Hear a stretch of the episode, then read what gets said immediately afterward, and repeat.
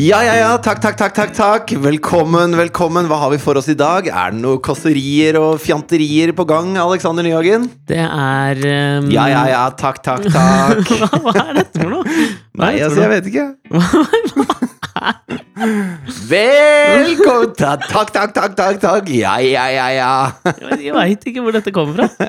Men jeg liker at du er på, da. Nå var du liksom proaktiv for at jeg skulle slippe å si ja, men jeg prøvde å følge med på litt sånn liksom gode programledere rundt omkring. Og de har veldig ofte sånn Det er mye energi når du kommer inn. Prater fort. Ja, ja, be- Det er litt sånn. Ja, det er noe det er Steve Martin, den legendariske komikeren.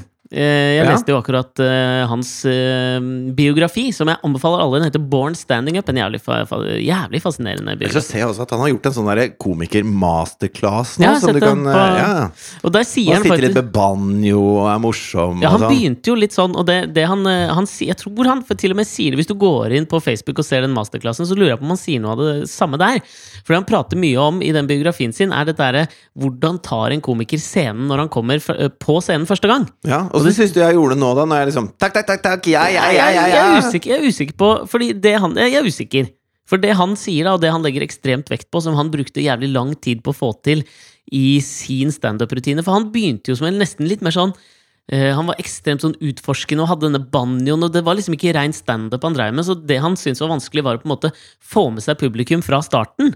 For han sto på scener som ikke i utgangspunktet var liksom standup-scener. Han kom inn og var oppvarmer for kanskje en en musikkact som skulle på, og så prøvde han å være litt morsom mens han spilte, og drev med noe ballongdyr, og det var liksom mye rart. Jeg kjenner, Bare du sier det nå, så kjenner jeg at jeg tror ikke jeg altså Hvis du står og venter på Bruce Springsteen, da, så kommer Steve Martin, Steve Martin inn. inn med banjo. Det er bare, ikke det du forventer. Har dere hørt uh, Så fremt han ikke drar en Svensken, dansken og nordmannen. Ja, jeg veit ikke. Nei, men det er det, da.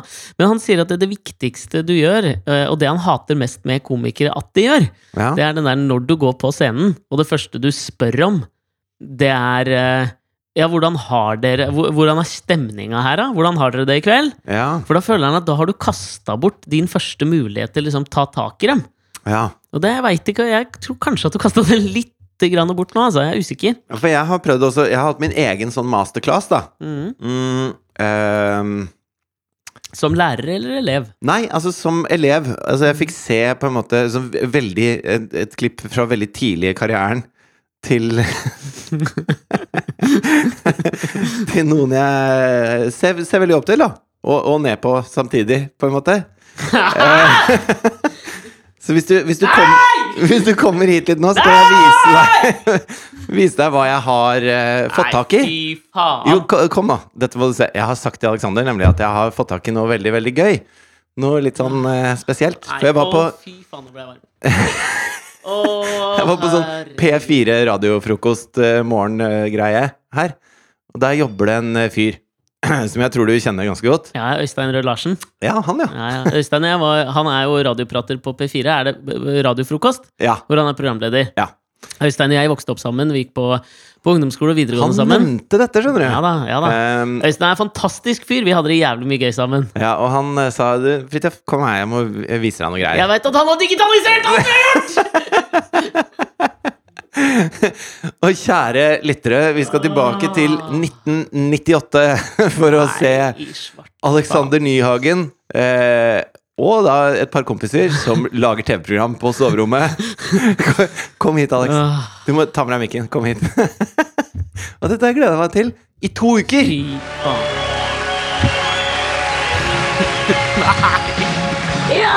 Hei til alle dere der hjemme i stuen og alle her i studio. Ja, takk, takk, takk, takk, takk. Velkommen til Fjåskammeren, egg og bacon. Ja, takk, takk, alle sammen. I dag har vi masse spennende for oss. Vi har en ja, et par sånne små kåserier og fjanterier. Og som vanlig de faste spaltene. Og men dere ser at jeg sitter her alene, ja. Men hvor, tenk, hvor er Erling, tenker dere? Ja, han kommer nå. Mannen som trodde at eh, James Bond var president i Guatemala. Erling Normann. Ja, hei, Erling. Men Kan jeg bare si at det, det er jo sånn du er fortsatt? Altså Hvis du bare går tilbake og så hører et par podkaster Det er jo sånn du holder på. Mannen som trodde at James Bond var president i Guatemala! Kåserier og fjanterier. Hvor gammel var du da? 15 år? Ja, jeg var vel 15 år. Oi, au! Ja, ja, ja. Okay, Ja, det ja, ja, jo takk, takk, takk. det var der den kom fra, ja. Ja, men der lå det jo en applaus under, som du kanskje hørte. Som vi hadde lagt på i postproduksjonen Og av du den mener at da er det greit, ja? Ja, Du takker jo for noe. Du må jo takke for et eller annet. Jo, men takk for at alle lytterne har skrudd på. Ikke sant? Jeg prøver å få litt sånn den stemningen, da. Den stemningen som du dere mener. klarte å lage på Kolbotn i 1998. Mm, ja, ja. Ja. Fy faen, nå sitter jeg Nå ble jeg, nå ble jeg varm, Du Nå ble varm og god, ja? Huh, jeg ble varm. Ja, ok, nei Men eh, er det Hadde du sånn stemme? Nei, der tror jeg jeg gjorde, gjorde til stemmen, altså. Ja, få høre, da. Altså at jeg Ja, gjør den, den stemmen. Skal jeg gjøre til stemmen? Ja, ja, og si 'mannen som trodde James Bond' og sånn. Ja, la meg først si at det kan Vi var jo Ja, men det, når man starter ut eh, og, og utforske ting, da Starter ut. Altså den norske Ja. terminologien starter ut. Når man starter med noe Tenker så er du på kanskje- engelsk, Alexander? eh, Altså, jeg tenker ikke på Altså, språk og liksom sånn Det der flyter i ett for meg. Jeg ser bare jeg Du ser ikke kjønn, du ser bare mennesker. ser mennesker. Ser ikke farge. Jeg ser bare um, Grått. følelser. Ok. Ja. Eh, nei, men så, så er man kanskje eh, tilbøyelig til å eh, bare kopiere eh, idolene sine, ikke sant? Ja, hvem var idolene dine her? Var det er- Howard og HC? eller? Nei, men jeg tror Man hadde jo vel kanskje akkurat vært gjennom en fase hvor på en måte Tom Mathisen og Rodos Falsk var eh, på høyden. Da var jo de kule. Uh, Harald Eia og, og Bård Tufte drev med stemmer og, og gjorde forskjellige sånne ting. Ja. I åpen post og greier. Så man var kanskje Kanskje det var det jeg der, der tok jeg inn og prøvde å gjøre om stemmen min du, til en sånn nyhetsstemmetype. Altså, du tok alle disse influensene, og så lagde du Fjåsekabareten Egg og bacon Ja, på Kolbotn. ja og brukte det beste av alle verdener, på en måte. Ja, men det var jo null originalitet, da. Det, det, som var det er det som kanskje er problemet i startfaser, er at man, man bare kopierer uten å addere noe sjøl. Jo, men dette, er jo, altså, dette har vi jo snakka om før, dette med okapi-metoden. Altså det å ta to Det var ikke velkjente noe ting okapi der, ass! altså, det var, det var kopi. Ja, kopi. Ja. Du glemte den O-en før Og, kopi. ja, og, og den A-en. Og den A-en, ja. Ja. Men, men eh, det var jo klart at eh, ja, jeg kan jo eh, Ja, ja, ja!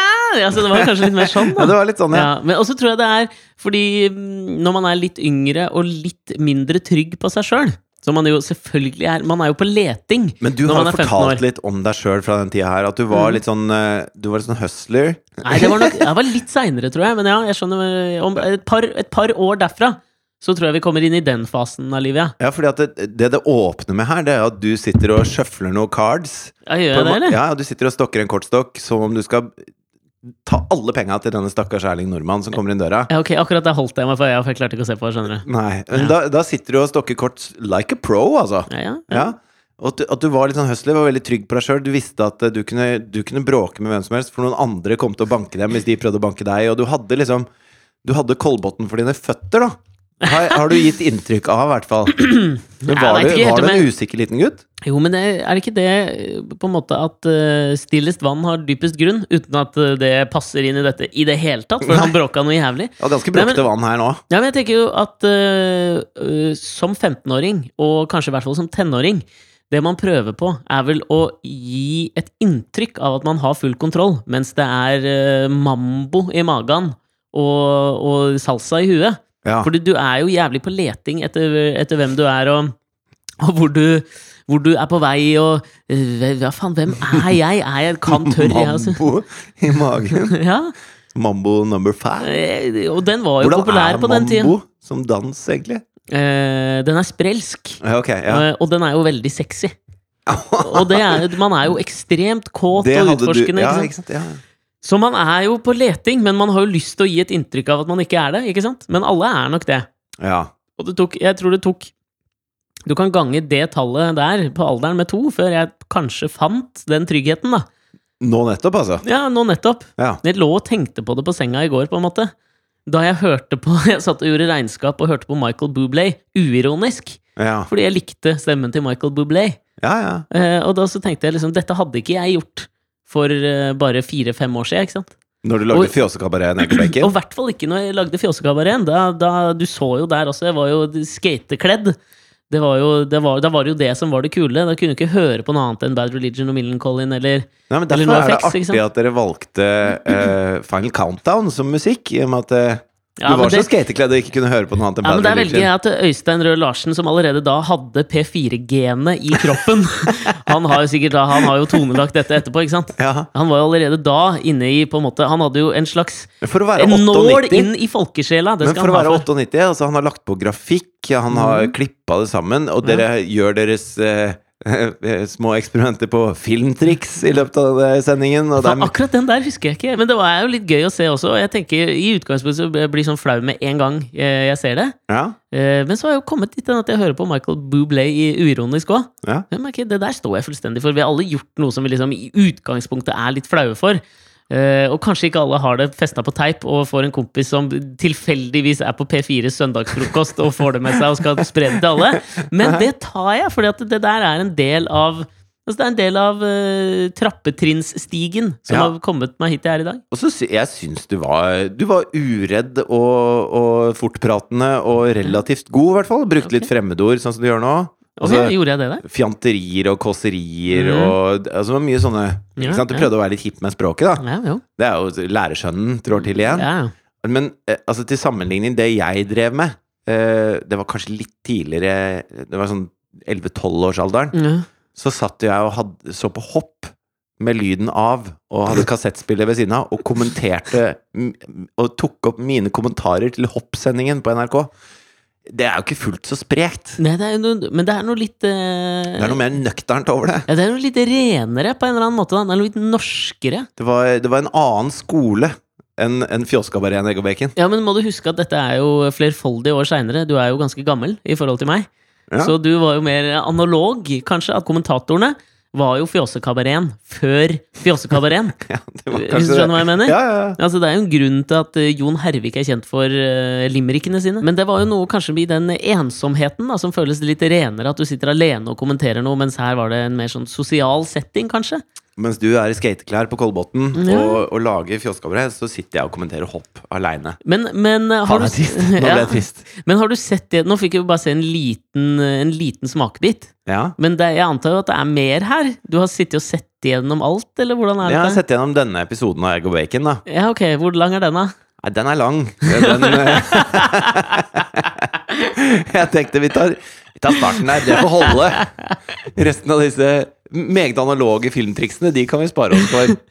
Ok, Men er det noe det er Akkurat dette her tror jeg har faktisk klart å trykke ned, og nå kjenner jeg jeg ble varm på halsen. Men vi kan legge ut begge deler på Facebook. Altså Ja, min det? lille editerte versjon og fullengderen. Og så ser vi hvem som, eh, hvem som likes best av lytterne våre. Ja ja! Vi Ja, ja. får vel se, da.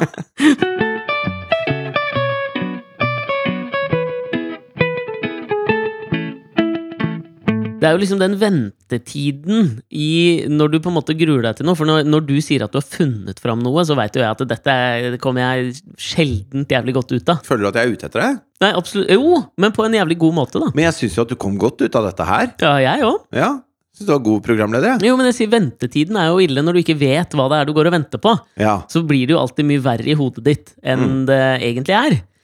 Sånn som det er når faren din sier at 'jeg har kjøpt julegave til deg i år', men ikke noe fra ønskelista. Ja, det er det verste. Det er det verste som fins. For da veit du jo at det er jo faen, det er verktøykasse. Altså, og det er Det kledde ikke meg som 15-åring. Han, eh, faren min da, har veldig dårlig track record på akkurat den biten der. Vet du hva, Det er kompatibelt med, med hans person. Ja, Dårlig han, til å eh, kjøpe julegaver. Nei, men han er, han er god, men han Han legger mye hjerte i det, men ikke så veldig masse hjerne. hjerte. Men så blir han så jævlig inspirert. Han tenker at dette har de ikke. Ja, Og det er alltid en grunn til at folk ikke har det. ja. Og jeg husker blant annet han kjøpte en, eh, en hatt i julegave til søsteren min en gang. Okay. Som var en ganske dyr hatt, da. Ja. Men den var sånn helt uten brem. Og så eh, Du vet, litt sånn som sånne, eh, Ja, men, aper med lirekasse har på. Altså fez, som marokkansk ja, liten en slags Med noen utsmykninger og noe greier. Og stakkars søsteren min pakka opp den gaven, og bare Oi! Du så Altså, det var umulig å skjule den derre vantroen. Stirret ned på hatten, da. Og så, og så var liksom pappa sånn Å, kan bytte noe, så hvis du ikke syns på helt det du var ute etter. Så hadde han jo kjøpt den på en sånn butikk som bare hadde sånn Det hadde bare fes. feslignende ting, da. Stakkar. Stakkars alle.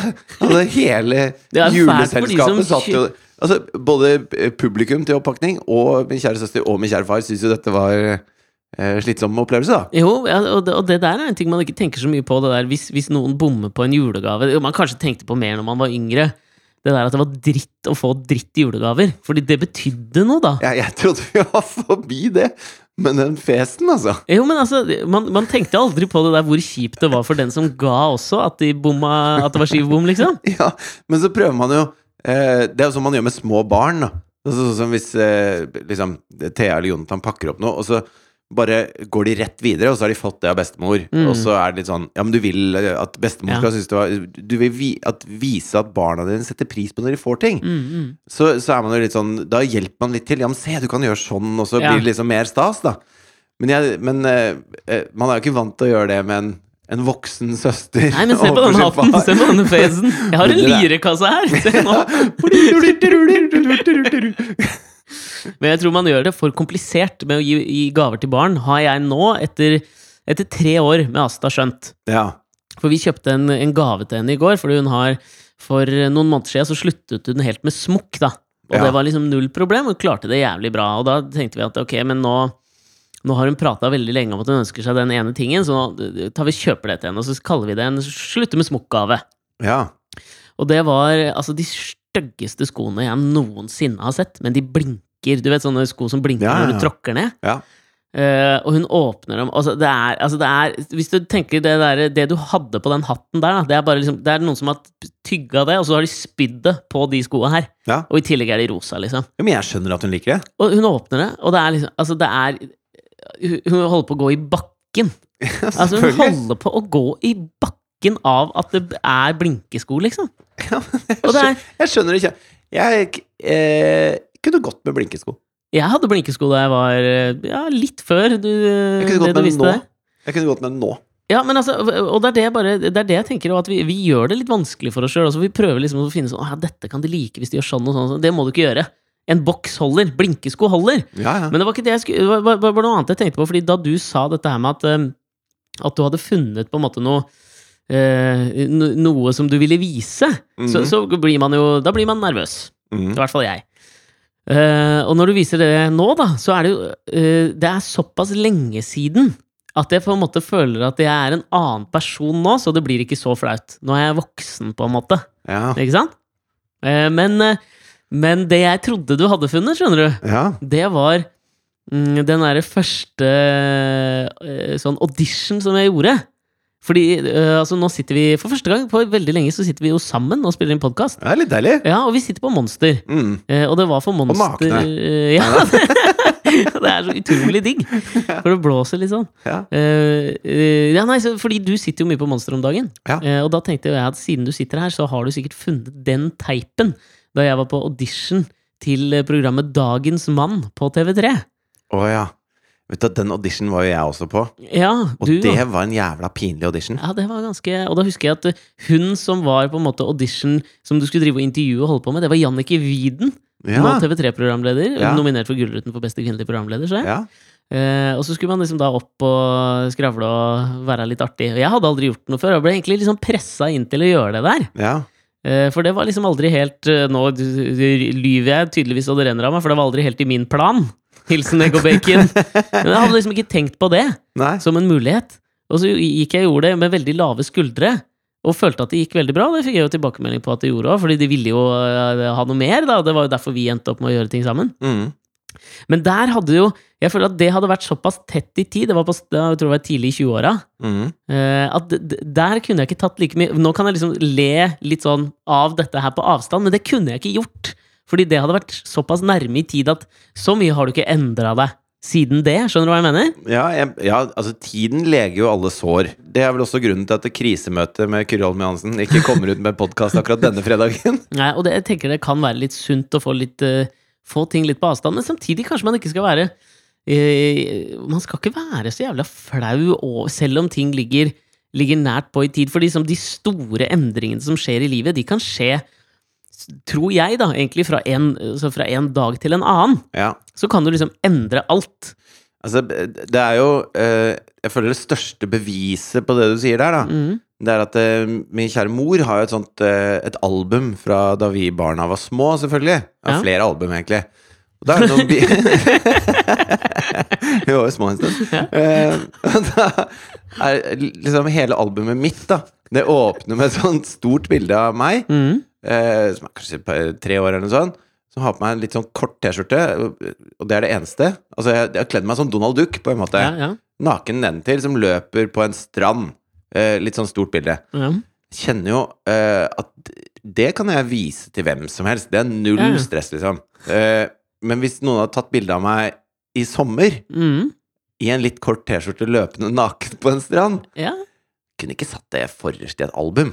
Det hadde svidd litt. Ja, hvorfor hadde det svidd litt, da? Nei, altså, der er tissen min, og der, der er kroppen min, og Jo, der men Det er jo bare benkroppen din og tissekroppen din. Ja, men tissekroppen min er jo en del av den kroppen eh, som ikke er så offentlig, da. Ja, men det er jo ingen som skal Du trenger ikke å vise albumet offentlig, mener jeg. Altså, Nei, sånn. nei, men jeg tar det i hvert fall ikke opp sånn uh, Se så deilig vi hadde det her-type. Nei, men akkurat det der det tenker jeg, det der ville jeg da slå et slag for, da. Her var vi i Barcelona i 2016, liksom, og så ser du meg Eller sånn sittende i badekaret med litt sånn lite vann i og leke med en båt, naken. Ja, akkurat det ser jeg. hvor knærne liksom er litt sånn høyt opp. Jo, men jeg tenker prins Jeg skjønner akkurat den der. Litt for lite såpe, så du ser. Ja. Ja. Ja, men jeg skjønner akkurat det der, men jeg tenker prinsippet er det samme. At vi bør ikke ha Vi bør ikke trenge avstand på alt for å kunne ha en eller annen slags form for uflau avstand til det. Ja. Fordi ting, kan, ting snur jævlig jævlig fort. Bare tenkte jeg på å få barn, liksom. Da følte jeg at ting endra seg fra en dag til en annen. ja. Eller det der å gifte seg. Altså, I det så, jeg, så har du mista gifteringen din? Ja, den var borte fra handa, den. Var den det? Ikke si det til noen. Ikke si det til Mari. Jeg vet ikke helt hvor den er. Nei, men er det fordi den er så eh, er for stor? Nei, har- Selv den lille ringen du Ja, Jeg er blitt så mye er tynnere etter at jeg har sp- spydd disse dagene. Så jeg merker jeg ble så mye tynnere i ansiktet og i henda. Kanskje den har sklidd av i søvne. Hvem spydde ut veit? kjøtt fra fingra? Ja, jeg jeg, vet jeg veit ikke. Nei, men altså, øh, det å gifte seg også, så syns jeg det var en sånn ting som skjedde fra en dag til en annen. Som, Ja. som, som gjorde at noe ble endret. Så kanskje jeg skal slå et slag for det at det liksom, avstand i tid ikke nødvendigvis skal være den eneste grunnen til at man kan ikke være flau. Altså, man kan man må begynne å stå litt for Selv om man øh, syns noe er flaut som på en måte ligger tett oppe i tid, så kan du ha endret det 100% siden det. Jeg kan jo vise et eksempel på at jeg har endret meg. Ja, for høre. Det er at eh, jeg ble så stolt i går at jeg, jeg kan gå rundt og spille dette her for absolutt alle. Ok. Ja. Skal du synge? Bæ, lille lam, har deg noe ull? Jeg er fellebånd, jeg er grope full. Jeg snakker feil to stopper, til det lille bro. Ja! Han er ikke Altså, hypeman Han, er, lenger! han har vokst ut av hypeman! Ja, men se, fra en dag til en annen. Ja, og da blir jeg, jeg blir så stolt, vet du. Jeg syns det er helt Ja, det, er klart du skal bli, magisk. det er klart du skal bli stolt. Er ikke det lov? Det er klart det er lov. Og stolthet og flauhet det føler jeg er to sider av samme følelse nå. Jeg er både stolt og flau av det du visste nå. Jeg er stolt over at du er flau. Takk.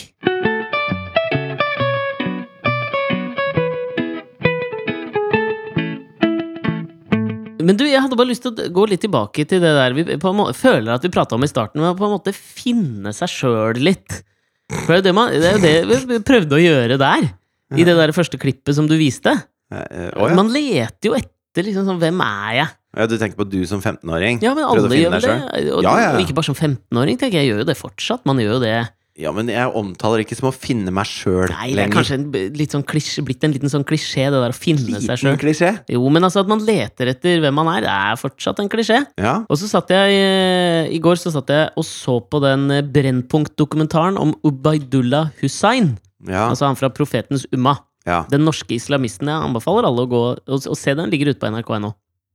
Eh, han ble akkurat dømt til ni år i fengsel for rekruttering til IS. Men dette er eh, For det, er det den dokumentaren som han Imtias Rolfsen, er det det han heter? Ja, Ulrik Imtias Rolfsen og Adel Khan Farouk står bak den, så det var vel i Det var der PST kom og beslagla noen teiper de hadde av intervjuer og sånn. Ja, greia var vel at eh, han Adel Khan Farouk var nyutdanna journalist, og fikk eh, til slutt han, er, han kommer fra veldig likt miljø som Ubaydullah Hussain. Han er eh, nordmann, med, men med pakistanske foreldre, han Ja. også.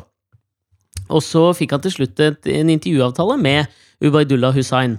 Og da kontakta han Ulrik Men når du sier likt miljø, har han også vært inne og snusa på de mer ekstreme Absolutt ikke. Nei. La oss si før, før han tok det valget, da. Ja, da de lagde egg og bacon, så var de litt på samme plan. Ja, la oss si det sånn. Ikke det at de var kompiser, eller noe sånt, men altså fra en eh, Skal vi si et, et etnisk uh, lik bakgrunn, da, Ja. på en måte. Det Ja. sier han i hvert fall selv i, i dokumentaren. Eh, Så han kontakta Ulrik Gimtas Rolfsen da han fikk den eh, intervjuavtalen, og prøvde å få med seg en litt sånn erfaren filmskaper, ikke sant? som Ja. kunne bistå han litt. Og, um, og, det som var jævlig fascinerende med den filmen For det første så er det jo fascinerende at, at denne fyren her åpenbart har rekruttert unge norske menn til IS og sendt dem av gårde, vel vitende om at de mest sannsynlig kommer til å dø. Ja, og, og ta med seg andre i prosessen, på en måte. Og jeg vet ikke om fascinerende er det riktige ordet her, sånn, som, som popper opp. Jo, men altså, det kan jo være forferdelig, men samtidig fascinerende. Ja, kan det det, egentlig? Ja, fordi at det, du, du, man blir jo nysgjerrig på hvordan i helvete havna du her? Ja. Altså, det, det er vel det, det det er vel Christopher Hitchens som sier det om religion, at liksom religion i seg selv er jo ikke Altså, det er jo en ting som får folk som i utgangspunktet har helt uh, en god moral og tar riktige valg, til å ta feil valg. Feil moralske valg. Og det er det jeg føler som har skjedd med han, og det, det som er fascinerende er, med det her, syns jeg, hvordan går det så jævla langt for en fyr som har vokst opp i Oslo og spilt på Skeid og hatt en helt fin oppvekst? Mamma og pappa var på alle fotballkampene. Har Ubaidullah å- spilt på Skeid? Ja, ja. Helt til han var 18 år.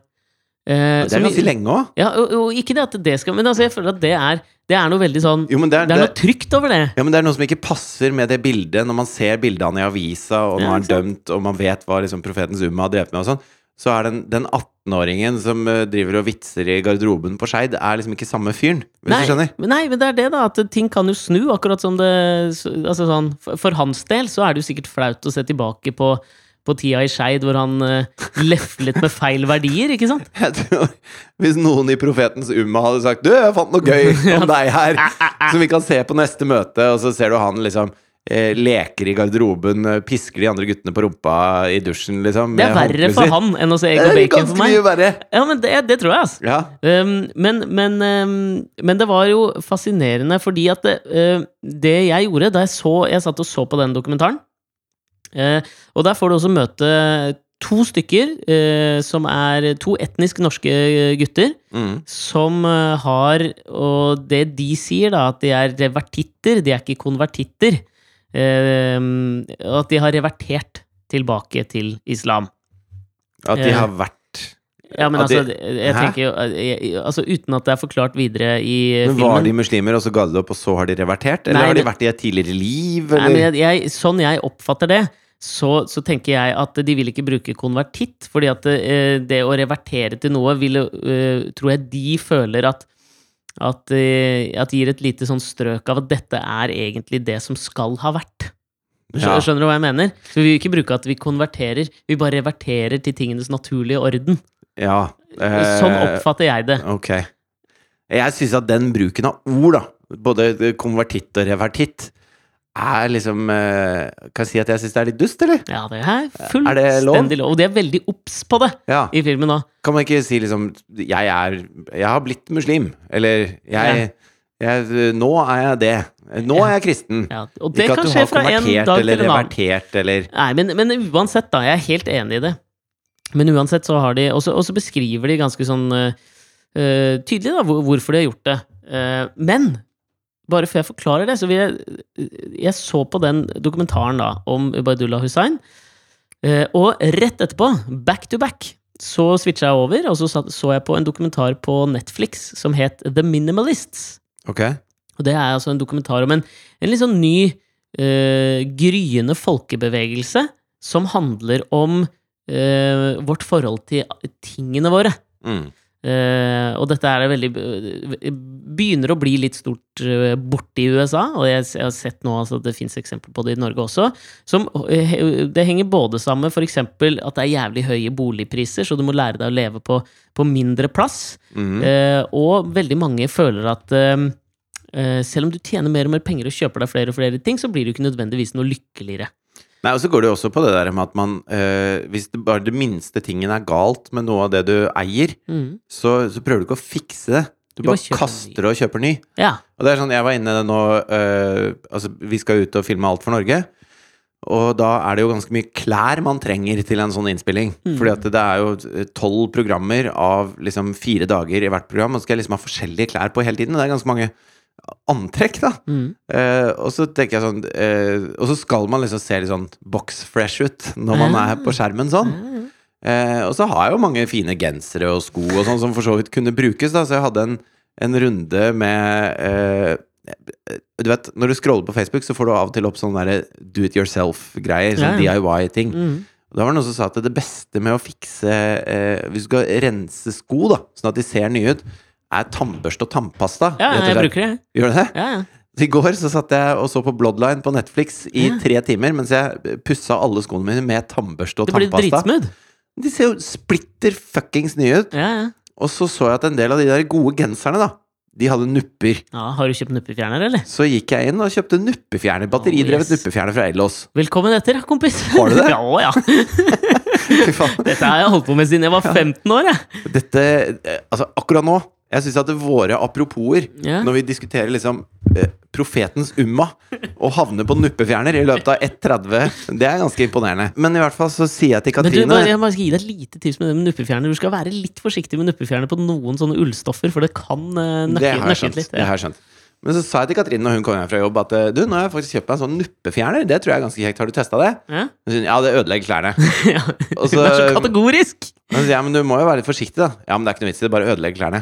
Eh, også, ok, men, Men nå, altså, nå du- har jeg kjøpt det, jeg kan jo prøve den, liksom. Men altså, hun er vel hun- feil person å tilnærme seg med nuppefjerner, hun som jo er i denne motens runddans av nå er det 52 stilarter i året. Ja, ja. Og, og hennes løsning Hun vil jo ikke at du skal fikse klær. Nei, hennes skal løsning var ja, Man kan jo ikke bare kjøpe ny. Så, men jeg, altså, da, hun- da kan jeg i hvert fall prøve nuppefjerner, og så kan jeg heller ødelegge genseren, og så kjøpe ny. ja. Det må vel være bedre, liksom. Ja. Altså, Katrine er jo sånn at hvis hun har en sort olabukse Og du vet, av og til når du vasker eh, sorte klær, så kan de få sånn hvit stripe på seg. Ja. Alle mine bukser har det overalt. Ja, ja. Det er helt fint. Det er Da- det man har sprittusj til, tenker jeg. altså Sprittusj! Ja, Det har jeg gjort med mange sorte olabukser. Bare ta litt sprittusj der. Syns Hver ikke det gang jeg helt tatt. syns at jeg går et nytt skritt inn i 'nå er du dust', Fridtjof, når du sitter og pusser skoa dine med tannbørste og tannpasta, Ja, Det er jo da, ikke dust. da har du vært der allerede. Ja, men det er miljøvennlig, og jeg begynner å nærme meg, merker jeg nå, minimalis eller minimalistene. Ja, men jeg liker at man fikser ting, da. Ja, men det man er jo det. reparerer ting.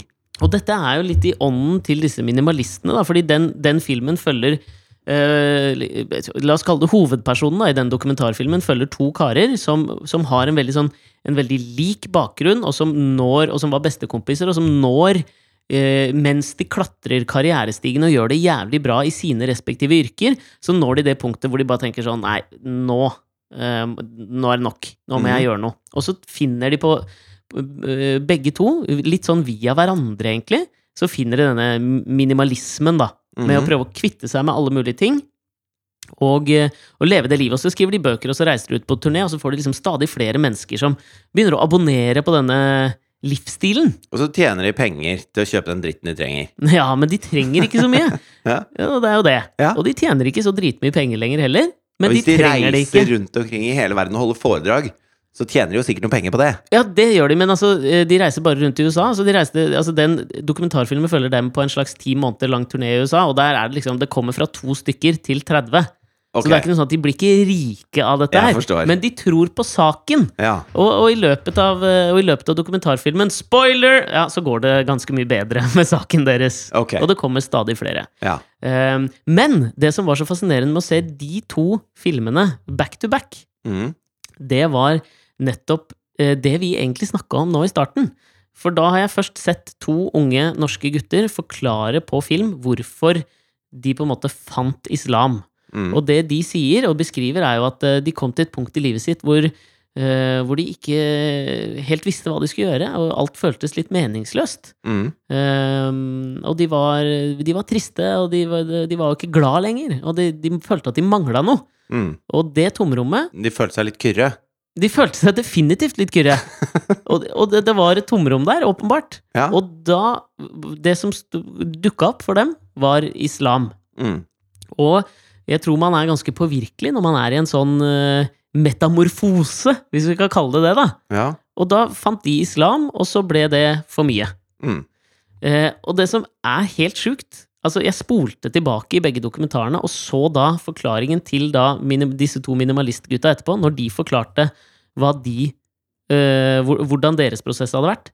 Så var det, altså, jeg vil påstå, nesten ord for ord Mm. den samme forklaringen. Mm. Og det var beskrevet den samme barndom. De hadde hatt en litt tøff barndom. Og de hadde på et tidspunkt kommet til det punktet hvor de ikke var glad lenger, og de var litt deprimerte, og de følte at det var et tomrom. For dem så var det da denne minimalismen som sto og banket på døra og kom inn, uten at de, spør du meg, har dratt det for langt, eller på noe som helst måte. Det er bare det ene inntrykket som kommer akkurat På på, den riktige tida, liksom. Eller feil, da. ja, eller, For disse to gutta. Han ene eh, reiste jo ned til eh, Syria og døde. Ja. Han andre ble jo arrestert eh, da han skulle fly fra Gøteborg, og ble dømt til over to år i fengsel. ja. Så den historien kan vi vel si at endte rimelig tragisk for begge to. Ja, men, men jeg tror at hvis, hvis de hadde vært Altså, når de er i den, den uh, tilstanden hvor du er så påvirkelig, da, Mm. som, som sikkert alle er innom etter, På et eller annet punkt i livet så er man innom den tilstanden. Mm. Eh, og de kunne like gjerne ha liksom eh, blitt langrennsløpere eller Minimalister. eh, minimalister eller Ja. rad, radikale islamister eller de, de kunne blitt hva som helst. Ja, og det er det, for det var det jeg begynte å tenke på da jeg så disse her så tett opptil hverandre. For det vi Det som jeg føler at alltid, alltid spørres om i Altså, man spør jo ikke om det når det føles Altså, for gutta som ble minimalister, Ja. så føles det som en sånn Ok, faen, dere har tatt litt grep her. Dette høres faktisk riktig ut. Det er bærekraftig. Det føles ut som, eh, som de har tenkt gjennom dette på en måte som har gjort at de har kommet til en eller annen erkjennelse som kanskje ikke vi andre har. Nei, Dette er ikke noe som skader kloden. Ingen andre enn dere selv er på en måte offer for noe her. Mm. Mens vi ser helt annerledes på det med de radikale islamistene som drar ned og dreper uh, mennesker i Syria. Og uh, med rette gjør vi det. Ja, ja. Men det spørsmålet som alltid stilles, det er jo um, uh, Hvordan kan en øh, ung norsk gutt havne i Syria? Altså det det, jeg ser for meg Ole Torp som har stilt det men vi må- spørsmålet, liksom. Altså, hvis, vi har lyst til å, hvis vi har lyst på svaret på det, da, så må man lytte til propagandaen som de spiser Jo. når de er sårbare. Ikke sant? Jo, men jeg har, tror jeg For det har jeg også tenkt det at det er, har vært en litt sånn mystikk omringet med liksom sånn Hvordan i hvis helvete altså, kan har jeg, jeg har sett på siste sesongen av Homeland, den Ja. som går nå. mm, Og der er det en ung gutt som heter Seku Ba. mm, Eh, ba. Eh, Ba. ba. Og han eh, lefler litt med den islamist... Eh, Er han i eh, familie med Alice Ba Konke, eller kulturministeren i Sverige? Nei, jeg har ikke det. Det vet jeg ikke. Okay, greit. Eh, tror ikke det, for han er en fiktiv figur. Ja. Og han, eh, han er på en måte ikke en, eh, en jihadist. Nei. Altså, han er ikke terrorist, men han, han har satt seg inn i på en måte eh, den måten å se på verden på, da. Hvor du ser på USA som eh, liksom storeste gulven og alt de gjør, gjør de ut av ondskap, og skjønner ikke hvorfor de behandler folk i Midtøsten sånn og sånn, og dette er forferdelig, liksom. Og når du hører på han i den serien, så er det litt som å se sånne der tidlige klipp av Milo Yiannopoulos, Ja. hvor, du, hvor du liksom Hvis du klarer å legge til side alt det du føler at du vet Hvis du hadde vært et, en blank tavle, da, så kunne du tenkt at ja, men han høres eh, reflektert og bra ut, liksom. Og den, det resonnementet fins jo til alle disse ekstreme tingene. Og, og hvis man hvis man er mottagelig og er litt sånn blank på akkurat det, Mm. så, så Vi har på en måte bare flaks. At, at vår innflytelse var Kolbotn og Asker, liksom. Ja. Og vi havna ikke der. Så, så dette her er egentlig bare et sånn tupp i ræva til Vi må lage fritidsklubber. Vi må, ha, vi må ha steder hvor folk kan møtes og utveksle ideer i større forum. Sånn at eh, man får eh, høvla bort den propagandaen ved at du får testa den på andre på et tidligere stadium. Skjønner du hva jeg mener? Ja, men det, det, for det var det jeg kom til. Det, altså, når man sier det sånn her, så føler jeg at liksom, da, ok, her sitter vi og sparker inn åpne dører. Men det gjør vi ikke. Nei, vi, fordi det, dette er Norge driver og nedlegger fritidsklubber! Ja, Folk ja, har ikke altså, dritt å finne på! Ja, fritidsklubber kan jo liksom Det er jo én ting. Men jeg tenker mer sånn Nei, på det er bare det som trengs! Fritidsklubber! Kulturskoler! Hvis du skal ta IS, så må du lage fuckings fritidsklubber! Ja, men det, jeg, jeg er jo enig, men jeg tror det er liksom er mer til. Og, og, og jeg tror det første vi må liksom Jeg tror fritidsklubber er er viktigere enn militærmakt. Ja, men jeg kan være enig. Jeg tror du får stoppa flere kriger med fritidsklubber og vafler enn du gjør med militærmakt. Jeg er tilbøyelig til å være enig, men Bare jeg tror vær enig. Ja, men jeg tror for å komme dit, så må vi liksom først komme til den erkjennelsen av at dette ikke er mystisk.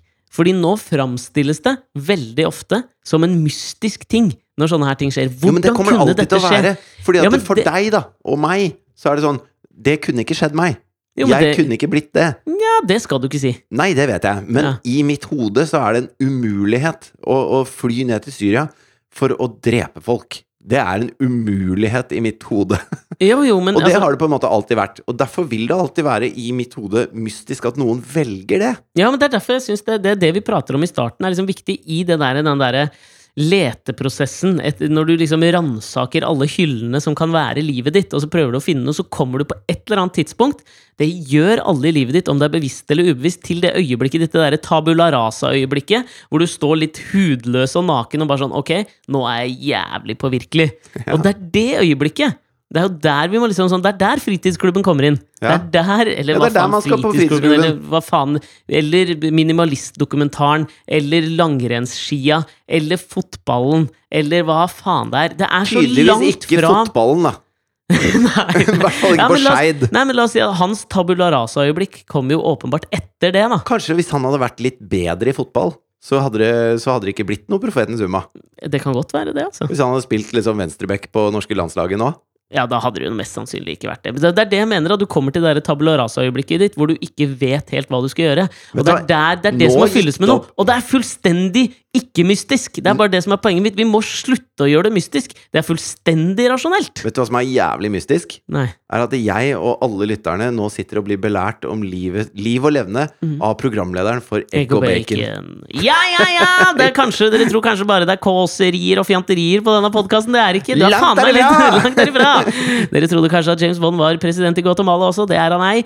Her kan du kanskje få med deg innimellom Ja, noen ting som er verdt med å ta med seg videre. på Isle of Man. James Bond. Det visste du ikke. Jo, det visste jeg. Det har du Ja, okay. ok. meg før. Ja, men takk til, takk til, takk til oss! Men takk var, til oss! var ikke det der Jeg syns det var en veldig grei oppsummering av denne sekken som var denne ukas podkast. Vi må slutte å? Er mystifisere? Jeg er enebarn og er vant til Jeg har et bekreftelsesbehov okay. ut av Guds nåde! Alexander Torp Nyhagen, nå er du flink og knytta opp den sekken. Tusen hjertelig Og med det sier jeg ha det!